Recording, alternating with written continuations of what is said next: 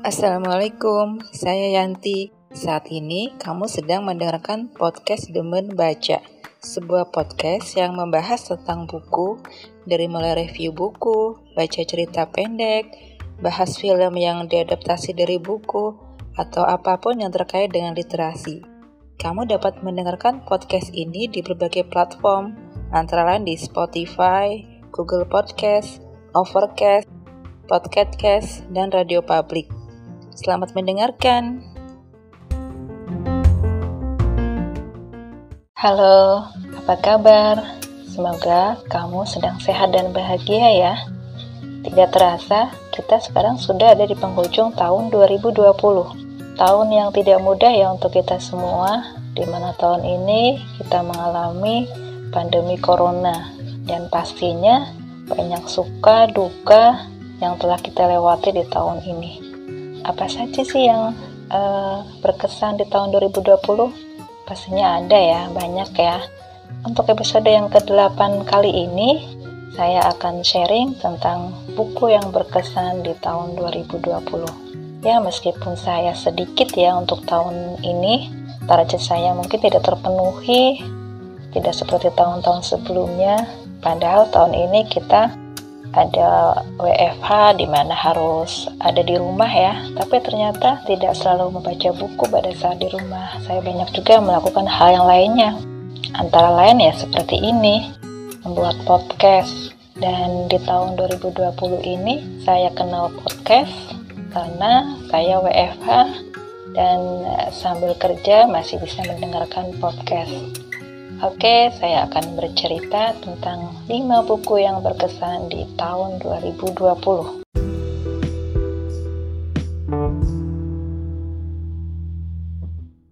Buku yang pertama adalah buku biografi yang ditulis oleh ibu negara Amerika Serikat, yaitu Michelle Obama, istri dari Barack Obama. Buku ini memang bukan buku baru yang tahun ini terbit, sudah tahu tahun 2018 terbitnya, tapi saya baru baca tahun 2020 ini. Saya berkesan karena ini buku pertama yang saya baca yang ditulis langsung oleh seorang ibu negara dengan uh, biografinya dirinya sendiri dan ditulis sendiri ya.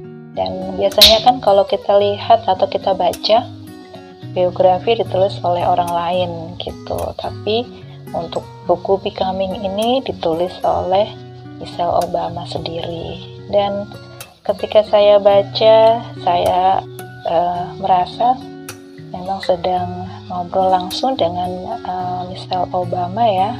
Dia bercerita ngalir, kemudian bahasanya juga enak, tidak berbelit-belit ya. Memang sih tebal, hampir lebih dari 500 pesan halaman tapi saya membacanya dengan mengalir jadi uh, tidak terasa sudah sampai di akhir itu dan buku ini mengupas tentang Michelle Obama dari kecil kemudian sekolah kuliah akhirnya bertemu dengan Barack Obama ikut mendampingin Barack Obama uh, dalam dunia politik ya.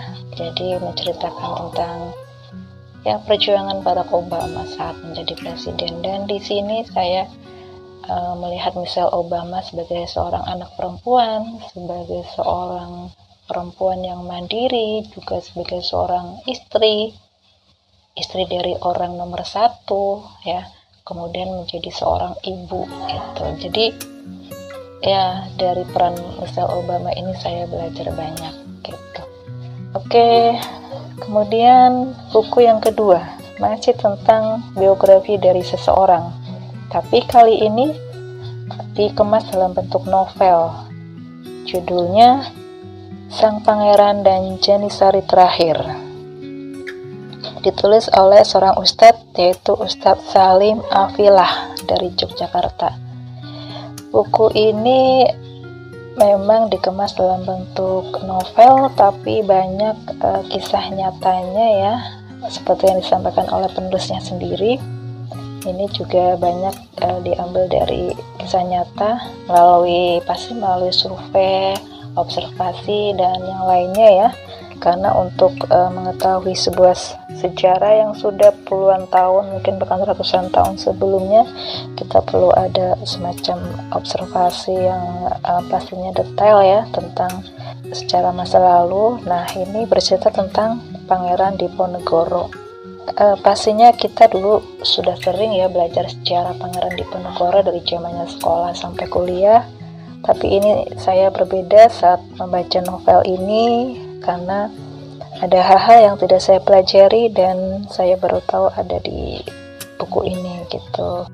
Dan saya baru tahu bahwa ada keterikatan atau keterkaitan antara uh, Pangeran Diponegoro atau antara uh, bumi Jawa dengan kerajaan Turki Utsmani di masa itu gitu. Jadi jenis sari terakhir ini adalah tentara khusus dari Turki Utsmani gitu. Novel ini cukup menghibur juga, bukan hanya menambah wawasan pengetahuan ya, karena dikemas dengan ada unsur komedinya, ada unsur sejarahnya sudah pasti ya, uh, bagaimana uh, dengan perjuangannya melawan penjajahan di masa itu. Buku yang ketiga masih buku non fiksi. Kali ini uh, mengambil tema tentang kesehatan mental. Judulnya Reasons to Stay Alive atau mungkin dalam bahasa Indonesia-nya alasan-alasan untuk tetap bertahan hidup. Ini memang buku terjemahan, penulisnya Matt Haig. Uh, ini memang berkesan buat saya karena saya mulai ada sedikit ketertarikan tentang dunia kesehatan mental berawal dari ada seorang teman yang uh, mempunyai uh, permasalahan di mentalnya ya. Itu dia mempunyai bipolar disorder ya sebuah uh, penyakit mungkin penyakit kejiwaan ya atau kendala mental yang dialami oleh seseorang itu dan dia bahkan bisa menyebabkan dia sangat down atau sewaktu-waktu bisa juga dia menjadi sangat happy gitu. Dan ketika dia sedang down maka akan ada pemikiran tentang uh, bunuh diri. Nah itu kemudian saya kenal dengan teman yang mempunyai uh, kesehatan mental yang terkendala seperti itu ya. Dan di situ saya jadi penasaran tentang apa itu kesehatan mental. Nah, di buku Matt ini dibahas ya. Jadi nanti kalau teman-teman bisa atau ingin tahu lebih ini bisa baca bukunya ya tentang kesehatan mental ini. Jadi ternyata dari kita yang mungkin mengalami hal-hal yang buruk dan dia tidak sanggup menghadapinya pada yang sama menurut kita itu sangat biasa itu permasalahan itu gitu jadi uh, ya pastinya kita bersyukur ya ketika diberikan kesehatan mental yang baik gitu ya bukan hanya kesehatan fisik tapi juga jiwa kita semuanya baik itu adalah pasti anugerah tersendiri itu kemudian buku yang keempat nah buku keempat dan kelima ini adalah buku fiksi itu bukunya yang keempat Aan Mansur judulnya Kukila. Sebagai uh, seorang penyair, ini adalah buku pertamanya yang dia tulis dalam bentuk novel atau cerpen ya kumpulan cerita dalam satu buku itu karena biasanya Aan Mansur menulis dalam bentuk puisi itu yang paling terkenal pastinya dan saya juga suka itu puisinya yang diangkat dalam sebuah film yaitu buku uh, kumpulan puisi tidak ada New hari ini. Tapi untuk yang buku yang uh, cerpen ini, yang kumpulan cerpen ini judulnya Kukila. Nah, buku Kukila ini uh, ada beberapa cerita yang dikemas dalam satu buku. Memang ceritanya tidak saling berkorelasi, tapi uh, saya suka di situ karena sebagai seorang penyair ketika menulis novel juga ada bahasa sastra yang ya harus kita pahami. Dan di sini saya lebih mudah memahami karyanya Aan Mansur gitu. Dan buku yang terakhir, terakhir tapi saya yang paling suka. Yaitu bukunya Stephanie Meyer. Yaitu Midnight Sun. Buku ini baru baru banget fresh the oven ya ibaratnya. Karena di tahun 2020 ini bahkan mungkin saat saya beli buku ini belum terjual di toko buku yang bebas ya karena saya pre-order dari penerbitnya langsung. Memang harganya lumayan ya karena itu memang uh, bukunya juga tebal hampir 1000 halaman. Dan ini mungkin buku yang ditunggu-tunggu oleh Tuihat ya. Tuihat itu istilah lain dari fansnya uh, Twilight. Ya buku ini memang bagian cerita dari buku-buku uh, Stefani yang sebelumnya yaitu buku Twilight yang sebelumnya ada empat ya. Ada buku yang pertama Twilight kemudian ada New Moon ada Eclipse ada Breaking Dawn. Nah meskipun di filmnya ada lima tapi bukunya sebanyak ada empat jilid. Nah di buku Midnight Sun ini adalah buku yang masih sama berceritanya uh, tentang uh, Edward dan Bella tapi yang membedakan ini adalah diceritakan dari sudut pandang Edward Cullen.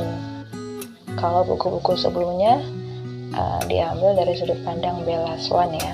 Nah kalau ini diambil dari sudut pandang Edward Cullen yang seorang vampir. Nah ini pastinya uh, berbeda ya walaupun mungkin inti ceritanya hampir sama dengan buku yang sebelumnya.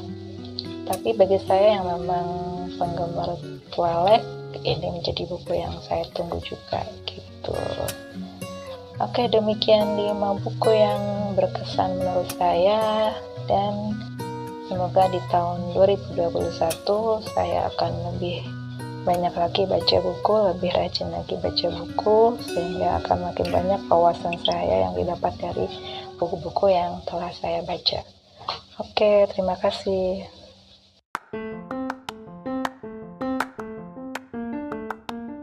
Terima kasih kamu sudah mendengarkan podcast Demen Baca.